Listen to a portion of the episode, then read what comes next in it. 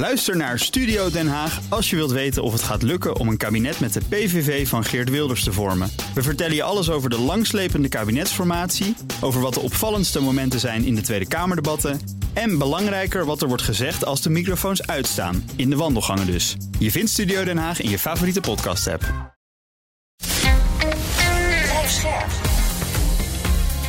BNR Nieuwsradio. Boekenstein en de Wijk. Mark Beekhuis. Welkom bij Boekenstein en de Wijk. Het is vandaag maandag, dag 446 van de Russische oorlog in Oekraïne. En wat ons vorige week niet lukte, is vandaag wel gelukt. Arend-Jan Boekenstein en Rob de Wijk, jullie zijn allebei tegelijkertijd bij de opname. Eindelijk herenigd. Dat klopt. Ja. ik ben er weer, ja. Zeker. Ja, nou, ik begreep ook dat er, want jullie hebben natuurlijk je theatertour wat eraan zit te komen. Ik begreep dat er mensen zijn die zich zorgen maken of je dan bij die theatervoorstellingen misschien ook gaat inbellen vanuit verre oorden, Noordpool en dat soort dingen. Alsjeblieft niet. Ik uh, verheug me echt op die uh, theatertour. Aanstaande woensdag in uh, Nieuwegein. Dat wordt volgens mij hartstikke leuk. Met onze generaal die zo vaak op televisie is, Marten Kruijf. Dus ja, dat morgen gaat vast heel erg goed. Woensdag een try-out. Ja, morgen gaan we daarna... even trainen en oefenen en dan moet het allemaal goed komen. Oké, okay, bnr.nl slash theater voor de mensen die daar nog heen willen. Want er zijn ik weet niet, is het al helemaal uitverkocht? Het is bijna helemaal uitverkocht. Ik heb net gekeken, maar er zijn nog een paar kaarten.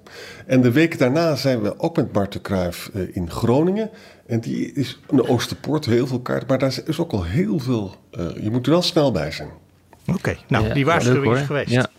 Ja. ja, ik moet zeggen van, ik ben ook wel weer, ben wel weer blij hoor dat ik terug ben. Maar uh, het is ook wel bijzonder hoor, om uh, aan de Russische grens te staan op dit ogenblik. Dus echt een heel andere sfeer dan je de afgelopen uh, tijd uh, zou denken. Want uh, ik heb op de brug gestaan tussen Rusland en ehm, Estland in. En als je dan met je rug naar Rusland staat, dan zie je dus wat de Russen zien als ze Estland binnenkomen. Er staat op het oude fort. Dat is niet een auto, maar dat is een vestingwerk. ja. Hebben ze een enorm portret van Poetin geschilderd. En daar staat uh, op Putin War Criminal. Dat is echt het eerste wat je ziet als je het land binnenkomt. Dat is wel heel bijzonder, moet ik zeggen. Komen er eigenlijk nog veel Russen over die brug? Ja, veel. Er is, uh, ik heb het gevraagd. Er is uh, voor de oorlog en voor COVID was er een grensverkeer van pakweg 4,5 miljoen overschrijdingen. En nu is het anderhalf miljoen. Uh, dus dat is echt nog heel veel hoor, wat er uh, over en weer gaat. En dat is uh, vrachtverkeer. Maar dat is, dat is vooral ook familiebezoek. En dat zijn geen toeristen. Vroeger kwamen er ook veel Russische toeristen de grens over. Nou, en dat gebeurt niet meer. Okay. Maar misschien ook nog even een ander punt, wat ook wel bijzonder is. Dat is dat tijdens de Oekraïne-crisis, in het begin daarvan, hebben de Esten eigenlijk alle grote oorlogsmonumenten van de Russen ontmanteld. En uh, omdat net de 9e mei achter de, rug is, dus, dus die datum waarop uh, de grote overwinningsparades over wordt uh, gemaakt, zie je dus dat in Narva, want daar ben ik geweest, die voor het allergrootste gedeelte, meer dan 90% bevolkt wordt door Russen, op die ontmantelde monumenten allemaal bloemen worden gelegd voor de nabestaanden van, of voor de gevallenen tijdens de Tweede Wereldoorlog. Ja, laten we naar Oekraïne gaan. Um, aan Jan, toen wij het er vorige week over hadden, toen uh, waren we heel opgewekt over misschien zijn er goede berichten uit Bakhmut. Zijn, uh, zijn de signalen nog steeds goed? Nou ja, kijk, je moet wel bedenken, de Russen hebben natuurlijk nog 90% in handen hè, van die stad. Dus dat is, betekent wel dat de Russen een sterke positie hebben. Maar het is zeker zo dat die uh, progressie van Oekraïne zich voortzet. En dat het ook bij iemand als Prigozhin tot grote wanhoop leidt. Maar daar gaan we het morgen uitgebreider over hebben. Uh, en, ze, ze blijk, maken nog steeds progressie. Het ging om een paar vierkante kilometer. Hoeveel dat vandaag is, staat er niet bij. Maar ze zeggen dat ze progressie maken. Wat belangrijk is dat we ook als we op de grond behandelen, is dat op de nacht, afgelopen nacht, hè, zondag, maandag. Uh, zijn er weer Russische drone- en Russische raketaanvallen op Kiev gedaan. Uh, het is echt een heel duidelijke strategie dat je dus uh, Kiev bestookte. En sinds 19 april zijn er dus minstens 10 reeksen van die aanvallen geweest. Wat ervan is afgeslagen, kan ik niet vinden. Ja, af en toe zie je daar wat uh, cijfers van. Hè. Er zijn heel veel van die drones zijn eraf um, afgeschoten door, door de Russen. Het meeste wordt echt um, ja, eigenlijk naar, binnen, naar beneden gehaald. maar wat we wel zien, en ik denk dat dat het, het wel het vermelden waard is, is dat de strategie of de tactiek, dus maar niet hoe je het zou willen noemen, van de Russen aan het veranderen is. En ze proberen nu echt die doelen te, te raken ja. die in verband kunnen worden gebracht met het aanstaande offensief. dus um, men probeert, um, um, laten we zeggen, militair gerelateerde doelen te, uh, te raken, maar ook de defensie-industrie, die nog steeds overeind staat in, uh, uh, in Oekraïne. En als je dus dat doet, dan hoop je dus dat daarmee een mogelijk aanstaande offensief wordt vertraagd. En of dat dus lukt, daar, weten we niet zoveel van. Hè? Want de meeste, ik las ook net vrijdag dat het meeste uit de lucht gaat, maar wat er vannacht is gebeurd, dat weet ik dus niet. Dat is nieuwe dat zijn nieuwe gegevens. Ja, het meeste wordt wel uit de, grond, uh, ja, in, in, uit, uit de lucht gehaald hoor, moet je, moet je zeggen. Um, en wat, is, wat ook opmerkelijk is, is dat uh, het vooral gaat om die drones. Uh, maar ja. ook om kruisraketten. En ze worden steeds onnauwkeuriger. Dus kennelijk ja. zijn die dus, die zijn er niet meer. Of die worden achter de hand gehouden voor, voor het geval het echte offensief gaat losbreken. Precies. En hoe richt je je daarop, eh, Rob? Want je, je kan natuurlijk wel zeggen, we gaan nu uh, het offensief uh, dwarsbomen. Maar niemand weet wanneer het gaat beginnen. Niemand weet precies waar het gaat beginnen. Dus hoe, hoe pak je het aan? Nou ja, vanuit het, uh, het oogpunt van uh, de Russen is het wel een verstandige strategie. Dat moeten de Oekraïners ook doen. Als zij verwachten dat er een Russisch offensief zit te komen, dan probeer je de hele logistiek aan te grijpen. Dan probeer je munitieopslagplaatsen, wapenopslagplaatsen aan te grijpen. Dan probeer je uh, de, de aanvoerroutes uh, die probeer je te bombarderen, dan uh, zorg je ervoor dat industriële capaciteit terug gaat te lopen. Dus zeg maar alles wat een, zo'n militaire campagne ondersteunt, dat probeer je te raken. Dat is vrij normale standaardprocedure tijdens zo'n oorlog. Dat hebben de Russen in de richting van Oekraïne de afgelopen tijd gedaan. En dat hebben de Oekraïners in de, in de richting van, uh, van de Russen gedaan. En je herinnert je ook nog wel uh, al die aanvallen die er zijn geweest op treinen. Uh, op doelen, zelfs in de Krim. Nou, dat zijn allemaal in belangrijke mate militaire doelwitten. en die zijn echt bedoeld om zeg maar zo'n offensief in ieder geval te vertragen. We hebben nu ook het bericht van het Instituut for the Study of War, zo'n rapport, dat in 3 mei, dus een uh, tijdje geleden, 2023, hè, is er een, uh, een Oekraïense uh, droneaanval geweest op Sesja. Dat is een vliegveld, 150 kilometer ten noorden van de Oekraïnse grens. Nou, dat is nou precies de plaats hmm. waar dus de Iraanse drones worden afgevuurd. Dat is belangrijk. En ze hebben toen dus een groot Russisch transportvliegtuig, een AN-124 hebben ze uitgeschakeld.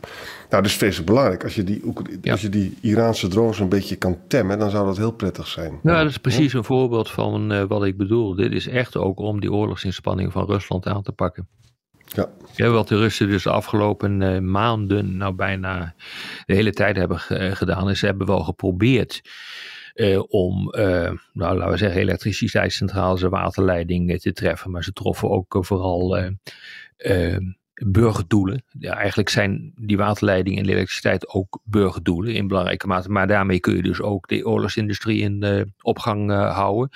Uh, maar door die onnauwkeurigheid van die raketten zie je dat continu ook burgerdoelen in Oekraïne worden getroffen. Dus dan willen ze iets anders raken, maar ze raken een flatgebouw. Nou, dat is gewoon iedere keer wat je op dit ogenblik ziet. Waardoor het ook een beetje ja, toch een beetje fuzzy wordt van wat ze nou eigenlijk echt proberen te raken, die Russen. Maar dat geldt in een aantal gevallen ook voor de Oekraïners. Er was eventjes sprake de afgelopen weken, afgelopen maanden misschien wel, dat langzaam de, de wapens op aan het raken waren. Maar meneer Zelensky is half Europa doorgereisd. Vandaag was hij in Londen. Ja. Uh, hij heeft weer een heleboel opgehaald, hè? Nou, weet je, vorige week dus bij uh, Berlijn, hè, dus dat hebben we behandeld met Scholz. En Scholz is nu echt, de, Duitsland is nu echt de derde uh, wapenleverantie, dus na Amerika en Engeland. Hè. Dus echt veel meer dan de Fransen. Nou, vandaag is hij dus bij Rishi Sunak geweest. Die heeft hem honderden luchtverdedigingsraketten gegeven en ook uh, lange long-range uh, drones. Uh, daarvoor waren al die Storm Shadow raketten hè, geleverd. Hij is doorgevlogen naar Parijs, heeft gegeten met Macron. En daar kwamen meer tanks en panzerwagens. Maar Misschien toch wel even aardig, want jij ja. noemde ook de lange afstandsdrones die hij zou hebben gekregen uh, van de Britten. Maar de Britten die hebben helemaal geen lange afstandsdrones. Oh, dat is Daar, daar zit een fout in eh, de berichtgeving en dat komt uit Engeland. En eh, dat is eigenlijk wel hilarisch, moet ik eh, zeggen. Want het werd ook aan de experts eh, gevraagd van welke drones zullen dat nou eigenlijk zijn dan? Want we hebben helemaal dat soort eh, wapensystemen eh, niet. Ver- verm- vermoedelijk, ja, maar zo zie je maar hoe iedereen elkaar allemaal napraat. Hè? Dus eentje roept van het zijn drones. En niemand checkt of er ook echt drones in Engeland zijn die geleverd kunnen worden. Nou, die zijn er dus gewoon niet. Maar ze halen dat gewoon door elkaar met die Storm Shadow raketten. En dat zijn kruisraketten die onder een vliegtuig worden gehangen. Dus totaal iets anders. Hè? Ja. Dus dat is vermoedelijk wat daarmee wordt bedoeld. Maar het grappige was natuurlijk wel dat de militaire experts werden gevraagd van... eh, maar wat zijn dat eigenlijk die drones? Ja, ze hebben werkelijk geen idee wat dit, eh, wat dit zijn. Dus het is gewoon de Maar- Storm Shadow waarschijnlijk. Ja, dat is gewoon de Storm Shadow. Ehm, maar als je dus kijkt wat die heeft opgehaald in Duitsland voor 2,7 miljard. Heel veel. Hè? Dus eh, lange afstandskruisraketten, 30 Leopard 1 tanks. Ehm, eh, 15 eh Gepard ehm, anti-vliegtuig tanks. Nou ja, ga zo maar door. Ehm, 200 verkenningsdrones in Frankrijk. ehm, tanks, panzerwagens. In het Verenigd Koninkrijk, idem dito. Ja, het is echt gigantisch wat hij gekregen heeft hoor. We hebben wel, eh, wel vaker erover gefilosofeerd van wanneer zou dit nou eigenlijk op zijn. Ik heb ook geen idee, want ik ben erachter proberen te komen. Dat lukt niet echt, wanneer dit precies wordt geleverd. De Britten hebben wel gezegd, we gaan nu proberen om een aantal bataljons weer opnieuw eh, te, trainen, te oefenen. Ze hebben er al 15.000 militairen eh, getraind. En we gaan nu proberen om dat weer te doen. En we rusten ze ook uit met deze wapens. Dat kan enkele weken duren. Het lijkt me heel snel, maar nou ja, het zou kunnen. Vanuit het de- Kremlin kwam vandaag berichten dat eh, er voor het eerst in Rusland, door Rusland dus, zo'n Storm Shadow uit de lucht gehaald was. Ja, Ja. dat zeggen ze. Niet En ook meteen erachteraan de mededeling, ja, die Britse wapens, dat zijn er misschien wel veel, maar die gaan echt het verschil voor deze oorlog niet maken. Hoe schatten jullie dat in? Nou, Peskov zei ook van, eh, wij, wij vind, beschouwen dit als extreem negatief dat de Britten dit doen. Hij liep dus een beetje met zijn spierballen te zwaaien. Hè? En overigens jongens, dat is belangrijk, de- de- deze zomer gaat Engeland ook Oekraïense piloten trainen op de F-16's. Ja. En, en, en mijn vraag... Nou ja, aan- ho, dat hebben Ja. ze al lang eh, hebben ze dat, ja, eh, exact. hebben ze dat, eh, hebben ze dat eh, besloten. In februari hebben ze dat eh, besloten. En eh, het is ook niet helemaal duidelijk, moet ik eh, zeggen. eh, maar dat komt ook dat het allemaal zo vers is, dit nieuws. Of dit nou ook besluiten zijn die al genomen zijn, bijvoorbeeld met de Britse leveranties in februari. Of dat dat allemaal nieuw materieel is, of dat het een, een, een, mengsel is van, van oud en nieuw. Dat, dat weten we gewoon niet, eh, niet goed. Dus we moeten echt gewoon goed kijken wat er nou eigenlijk op papier komt te staan en wat het allemaal precies is. Ik heb wel een overzicht van wat het is, maar dat loopt dwars door elkaar heen. Sommige toezeggingen zijn al in februari gedaan. Ja, er zit, zoals wat jij nu net zei van die, eh eh, die pilotentraining voor die F-16's. Maar als je ze traint, dan geef je ook die F-16's natuurlijk. Nou ja, die discussie begint dus nu ook achter de schermen te komen. Europese landen zijn daar eh, redelijk voor, de Amerikanen zijn er tegen. En ik vind eh, toch wel apart hoor, dat de Europeanen, eh, die schuiven eigenlijk het argument van, aan de kant van de Amerikanen. Die zeggen ja, F-16's, eh, dat betekent dus ook feitelijk dat je grondpersoneel uit NAVO-landen moet gaan leveren, omdat... eh, eh, in de lucht te houden. Er zit een enorme logistieke trein aan vast aan zo'n eh, F-16-operatie. De Amerikanen zeggen van, nou ja, dat zal dan ook moeten gebeuren met Europees of Amerikaans personeel. En dan mee raken we betrokken bij de oorlog. Met die lange afstandswapens, die Storm Shadow, dat hebben de Amerikanen niet willen doen, omdat ze bang zijn voor escalatie. Dat geldt dus ook voor die F-16's. De. Europeanen staan daar echt veel makkelijker in, lijkt het eh, wel. Ik merkte dat ook hoor in, in Estland. Daar zit men er echt absoluut mee, niet, niet mee. En ook die hele escalatie. Ehm, ja, daarvan wordt dan ook gewoon gezegd van ja, weet je, dat gaat hij toch niet doen. Kernwapens, dat zal allemaal wel. En de Amerikanen zijn daar heel erg veel voorzichtiger eh, bij. Want eh, wat je dan ook ziet is dat er een aantal mensen bij zaten die eh, al decennia lang ook voor de Amerikanen in de onderhandelingen hebben gezeten. En die zeiden van over één ding moet je het echt met elkaar eens zijn. Kernwapens, dat is geen kinderspel. En je moet alles voorkomen dat die dingen worden ingezet. Want dan zijn, eh, anders is echt het hek van de dam. En die verbaasden zich ook echt over eh, de, de, ja, de manier waarover hier eh, over die kernwapens in Europa werd gesproken.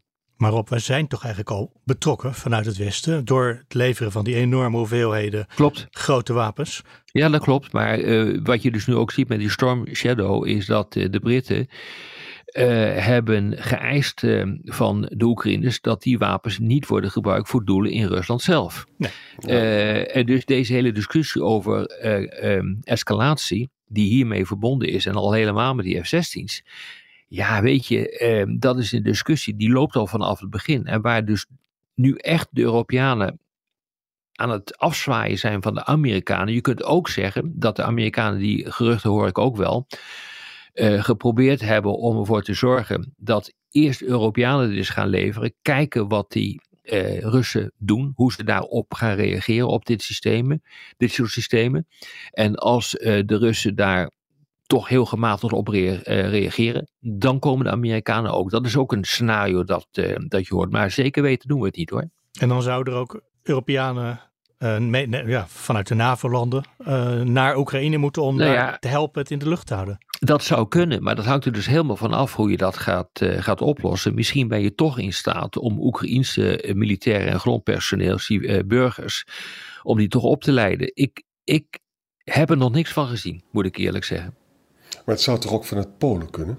Dat je ze daar onderhoudt, die F-16's? Ja, maar dan moet je, ja, maar dan raakt Polen er direct bij betrokken. Dus je wil eigenlijk niks, eh, geen operatie. En dat doe je feitelijk natuurlijk als je die eh, vliegtuig iedere keer terugvliegt naar, naar Polen. Nee. Uh, je wil niet op die manier betrokken worden bij zo'n oorlog. Nog even over die Storm Shadow. Hè? Ja. Uh, vrijdag hebben, ze dus, hebben de Oekraïners vermoedelijk met deze raket al Briansk aangevallen. Dus ja. de regio aan de andere kant van de Zwarte Zee. Hè? Ja. Nou, het, het, is, het was natuurlijk vrij ernstig wat daar gebeurde. Hè? Meer dan 80 kilometer, hè? dus geen HIMARS. Dit is ook weer een, een, een Ja, dat wordt wel allemaal weer ontkend. Hè? Dus dat is wel gevaarlijk om te zeggen van dat was een storm shadow. Dat moeten we eigenlijk even afwachten wat dat nou precies uh, was. Maar het was verder dan 80 kilometer in ieder geval. Jazeker, maar ik kan me voorstellen dat dat ook met andere systemen is gebeurd. Dat hebben de Oekraïners al vaker gedaan. Ja. En ik denk dat de Oekraïners dat risico ook niet, uh, niet nemen hoor, omdat uh, je dan ook de steun uiteindelijk van uh, het Westen gaat verliezen. Overigens, interessant hè, Zelensky die heeft gezegd de afgelopen dagen, voor het eind van het jaar kunnen wij Rusland verslaan. De voormalige chef van de Britse landmacht, die heeft gezegd van ja, dat moet ook wel. Want als dat nou niet gebeurt, dan weet ik niet of uh, het, de westerse steun blijft zoals die is. Hè? Er zit dus wel zo langzaam een tijdsdruk op. Ja. Daar kwam vanmorgen vanuit Duitsland dan wel weer opwekkend bericht, toch? Dat ze zeiden, we blijven jullie gewoon vol steunen. Oh ja, ja, ja. Maar dat merkte ik de afgelopen dagen ook hoor in, uh, in Estland. Uh, uh, daar wordt niet aan getornd op dit ogenblik. Maar dat zegt natuurlijk niks. Je moet uh, in de internationale betrekkingen wel, een, en zeker bij politici die zich ermee bezighouden, een um, enorm onderscheid maken tussen de retoriek. Ja. Uh, die, ze, die, die ze verspreiden en het eigenlijke beleid wat ze uiteindelijk op termijn doen. Want die is ook afhankelijk van wat de burgers eigenlijk willen. Laten we gaan naar de vredesbesprekingen die eraan schijnen te komen. China heeft een bemiddelaar aangewezen. Uh, ja, het is, is uh, Oekraïne al zover? Is Rusland al zover om ja, over Li vrede Hui, te praten? Ja, Li Hui is tien jaar ambassadeur geweest in, in, uh, van China in Moskou. Heeft ook een keer een medaille van Poetin gekregen. Ik heb nou werkelijk niet het gevoel dat Poetin hierop zit te wachten. En Oekraïne wil het natuurlijk graag. Hij gaat dus zowel in Oekraïne en Rusland langs. Maar de kans op een doorbraak lijkt mij niet erg groot. Nou, als Poetin niet wil, dan houdt het gewoon op. Ja. En als beide partijen, dat geldt ook voor Zelensky. Als Zelensky denkt van ik kan winnen. En de retoriek die we op dit ogenblik uit het Oekraïnse kamp uh, komt, inclusief alle wapenleveranties en de vorderingen die er worden uh, gemaakt in, in, in Bakmoed. Maar daar gaan we het morgen nog uh, over hebben, waar we, hoe we daar tegenaan moeten kijken. Ja, eh, die doen vermoeden dat Zelensky ook op dit ogenblik niet zit te trappelen om uh, met vredesbesprekingen te gaan uh, beginnen. Hij zal het denk ik wel doen. Hij zal er wel uh, beleefd naar luisteren. Maar ik denk dat hij ook gewoon gaat traineren. En, en, en, en Rusland die heeft daar vermoedelijk helemaal geen zin in. Want allebei de partijen denken dat ze nog vorderingen kunnen maken. Zelfs over graan wordt er op het ogenblik niet gesproken, toch? Dus nee, ik bedoel, exact, ze zijn echt is... nog niet op uh, on-speaking terms. Nee, volstrekt ja. niet. Terwijl ze toch een aantal graandeals achter de rug hebben. En je zou hopen ja, dat die graandeal wordt verlengd. Maar dat, ziet, dat zit er op dit ogenblik, althans vandaag, niet echt in. Ja, er kwam vandaag bericht naar buiten dat uh, er geen besprekingen zijn de komende dagen. Terwijl de VN zei, jawel, we gaan het de komende dagen nog regelen. Dus dat is Nou, ook een beetje goed, bewegelijk nog. Laten we hopen dat het lukt. Ja, Rusland zegt dat ze donderdag die, die graandeel niet verlengen. Maar goed, ze zeggen heel veel. hè? Ja, goed, maar dat hoor je continu. Ik bedoel, wat dat betreft eh, zijn ze onbetrouwbaar als ik weet niet wat. Zullen we een blokje doen even voor, voor Turkse verkiezingen even? Ja, Ja, dat is wel heel belangrijk ook voor de verdere uitbreiding van de NAVO. Hè? Of, eh, of Zweden erbij komt. Ja. Nou jongens, er is dus een waanzinnig hoge opkomst. 94% Kom daar in Nederland eens om. Hè? 94% zeg. En de, de laatste getallen zijn dus dat er heel duidelijk een tweede ronde moet komen. Want eh, Erdogan heeft de 50% niet gehaald. hè. 49,3% zijn de laatste getallen. En Kilic Daroglu, de man met de onuitsprekelijke naam, heeft 45% gehaald. hè. Nou ja, wat betekent dit nu allemaal? Ehm, heel veel experts zijn nu toch heel bang dat eh, Erdogan het toch gaat redden in die tweede ronde.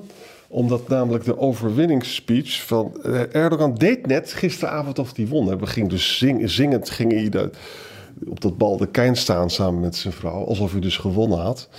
En daar tegenover stond Kilic Daroglu. Die stond niet eens voor zijn eigen partijkantoor, maar ergens anders. En die had een totaal onge- ongeïnspireerde toespraak. Want het is een hele bureaucratische man, hè? Ja. En dit soort dingen kunnen het verschil gaan maken. En wat ook heel treurig is, is dat de mensen ook in de aardbevingsgebieden, dat die toch weer op Erdogan hebben gestemd.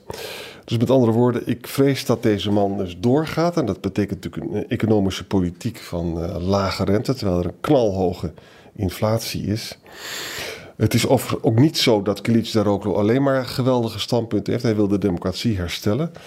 Maar hij wil ook eh, gewoon de Syrische vluchtelingen eh, terugsturen. Nou, het is wel een democratisch proces, moet, eh, moet ik constateren. We weten Ja. ook dat die eh, verkiezingen behoorlijk eh, eerlijk verlopen. Er zijn eigenlijk weinig toestanden bij. Ja. Ehm, en wat ik opmerkelijk vind bij Turkije is dat je dus gewoon door middel van echt eerlijke verkiezingen een dictator kan kiezen. Ja, maar, maar het probleem is, dat, dat is ook Ja. echt zo. Dat Ja, is maar- gewoon zo. maar het probleem is Rob, dat, dat 90% van de tv-zenders zijn in, Ja. in de handen van Erdogan. Hè? Dus dat is een beetje het Berlusconi-effect van vroeger. Als Ja. je de tv is of het Orbán, dat is natuurlijk ook niet een echte democratie. Hè? Kijk, eh, Mark Rutte zou het heel leuk vinden als hij Nederland 1, 2 en 3 had. Hè? Ja, het, het, het zijn zogenaamde autoritaire democratieën. En Ja. Je, je, je, kiest een sterke man en dat kan op zich heel erg, eh, ja, heel democratisch kan dat eh, gebeuren. Ook zonder eh, ongeregeldheden, dat kan. Weten we eigenlijk wat die uh, Kilic Daroglu gaat doen met de uitbreiding van de NAVO? Daar zal hij dus eh, geen problemen mee hebben, denk ik. Hoewel de ant- anti-Amerikanisme in bijna alle partijen in Turkije groot is. Ik schrik er altijd van als ik in dat land ben. Dus het kan ook nog zomaar zijn dat hij de kont tegen de krip voert. Maar zelf denk ik nu dat uh, Kilic Daroglu niet gaat redden. En mocht hij het toch nog redden, dan moet je goed bedenken dat is een zeven partijen alliantie waarbij dus ook hele nationalistische partijen deel van uitmaken. En dat betekent dus dat je, ja, dan, daar kan je ook door gechanteerd worden. Die Sinan Okan heeft 5%, die kan zomaar kingmaker worden. Hè? En die gaat dan ook eisen stellen. Dan zegt hij bijvoorbeeld van, ik wil een krachtig optreden tegen de terrorisme van de PKK. En ik wil dat je alle Syrische vluchtelingen terugstuurt. Nou, dat laatste is voor Erdogan een beetje een probleem, want dat vindt hij niet islamitisch hè? en niet humaan. Maar uh, Kilic Daroglu is daartoe bereid om de Syrische vluchtelingen terug te sturen. Dus het is ook alweer een complex uh, beeld in dat land. En de stemmen zijn ook nog niet allemaal geteld, begreep ik. Dus, uh, ja, maar het wordt wel een tweede ronde. Idee, wordt wel een, maar... wordt wel een tweede ronde. En mensen denken dus, omdat Erdogan zo'n goede uh, campaigner is... en goede speeches weet te houden, hele vilijne opmerking. Hij noemt Kilic Daroglu een zuiplap bijvoorbeeld, zo gaat dat dan. Om te zeggen dus dat hij seculier is. De CAP is natuurlijk seculier. Hij is zelf een Alevit, hè. Dus uh, dat is een, wat, zeg maar een uh, hele progressieve moslim. En, uh, maar ik ben ontzettend bang dat Erdogan dat gaat, toch gaat winnen. Ja, daar ben ik ook bang voor. In, uh, op het, in het Kremlin zeiden ze: het maakt ons niet uit wie er wint. We blijven met allebei even grote vrienden. Mm -hmm. Zou dat kunnen? Tja, Ik denk, dat zou eh, kunnen, ja. ja, Dat, eh, kijk, de positie, de geografische positie van Turkije is ook totaal anders. Dus eh, wil, je, eh, wil je ook door de Bosporus heen eh, eh, gaan, ja, dan moet je het ook nog, nog wel een beetje aardig eh, tegen Turkije blijven doen. Er zijn natuurlijk allemaal verdragen, dat begrijp ik ook wel. Maar ehm, het, het- het- Turkije heeft een behoorlijk strategische positie. En dat eh, bepaalt ook eh, zijn macht. En ze hebben ook tegengestelde belangen. Hè? Dat, datgene wat Rusland verzwakt is goed voor eh, Turkije en andersom. Turkije is bijvoorbeeld een voorstander van dat Oekraïne lid van de NAVO wordt. Grappig, hè? Ja. En, en het is duidelijk natuurlijk dat. Dat het is een hele moeilijke relatie met heel veel spanningen. Maar zelfs als Turkije per ongeluk een Russisch vliegtuig uit de lucht schiet, hè, twee jaar geleden, drie jaar geleden, dan nog eh, weten ze dat weer goed te praten met z'n tweeën. Dus ze zijn ook afhankelijk van elkaar. Heel veel Russische toeristen gaan naar eh, Turkije. Dus het gaat om veel geld. Heel veel Russisch gas gaat naar Turkije. Ja. En, eh, dus het is, eh, ze zijn, eh, het is een slecht huwelijk, zou je kunnen zeggen. Ze blijven bij elkaar voor de kinderen. Zoiets. Ja, voor het olie en gas. Ja. Maar de uitbreiding van de, eh, van de NAVO met Oekraïne, is dat reëel? Want ik zag ook vandaag voorbij komen dat eh, Jens Stoltenberg zei...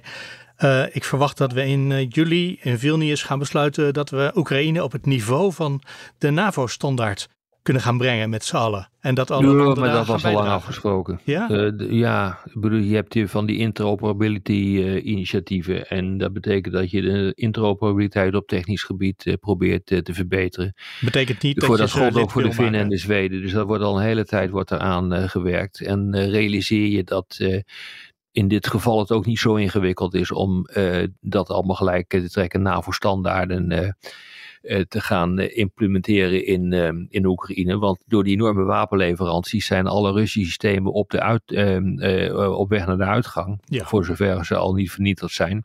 En komen de NAVO-systemen erin. Dus eh, die standaardisatie gaat bijna vanzelf. Je moet nu ook procedures en zo op elkaar af eh, gaan stemmen. Nou, dat is denk ik ook niet zo'n eh, geweldig eh, probleem. Omdat eh, vanaf pakweg 2015 de Oekraïners al getraind worden eh, door de Amerikanen en de Britten. En dat ook volgens NAVO-standaarden in belangrijke mate doen. Dus nee, ik, nee dat is meer iets voor, eh, laten we zeggen, eh, ja, eh, voor de media. die dan weer een headline hebben. Ik zou hem voorbij komen. De media headline was er. Ja, Ik denk dat we er zijn voor vandaag. zo is het. Rob, Arend. Jan. Tot tot morgen. Tot Succes morgen. met jullie doorloop eh, morgen, de generale. Ja, dank je, dank je. En tot morgen. Ook Thomas van Zeil vind je in de BNR-app. Je kunt live naar mij luisteren in Zaken doen, de BNR-app met breaking news, het laatste zakelijke nieuws en je vindt er alle BNR-podcasts, bijvoorbeeld Het Nieuwe Geld. Download nu de gratis BNR-app en blijf scherp.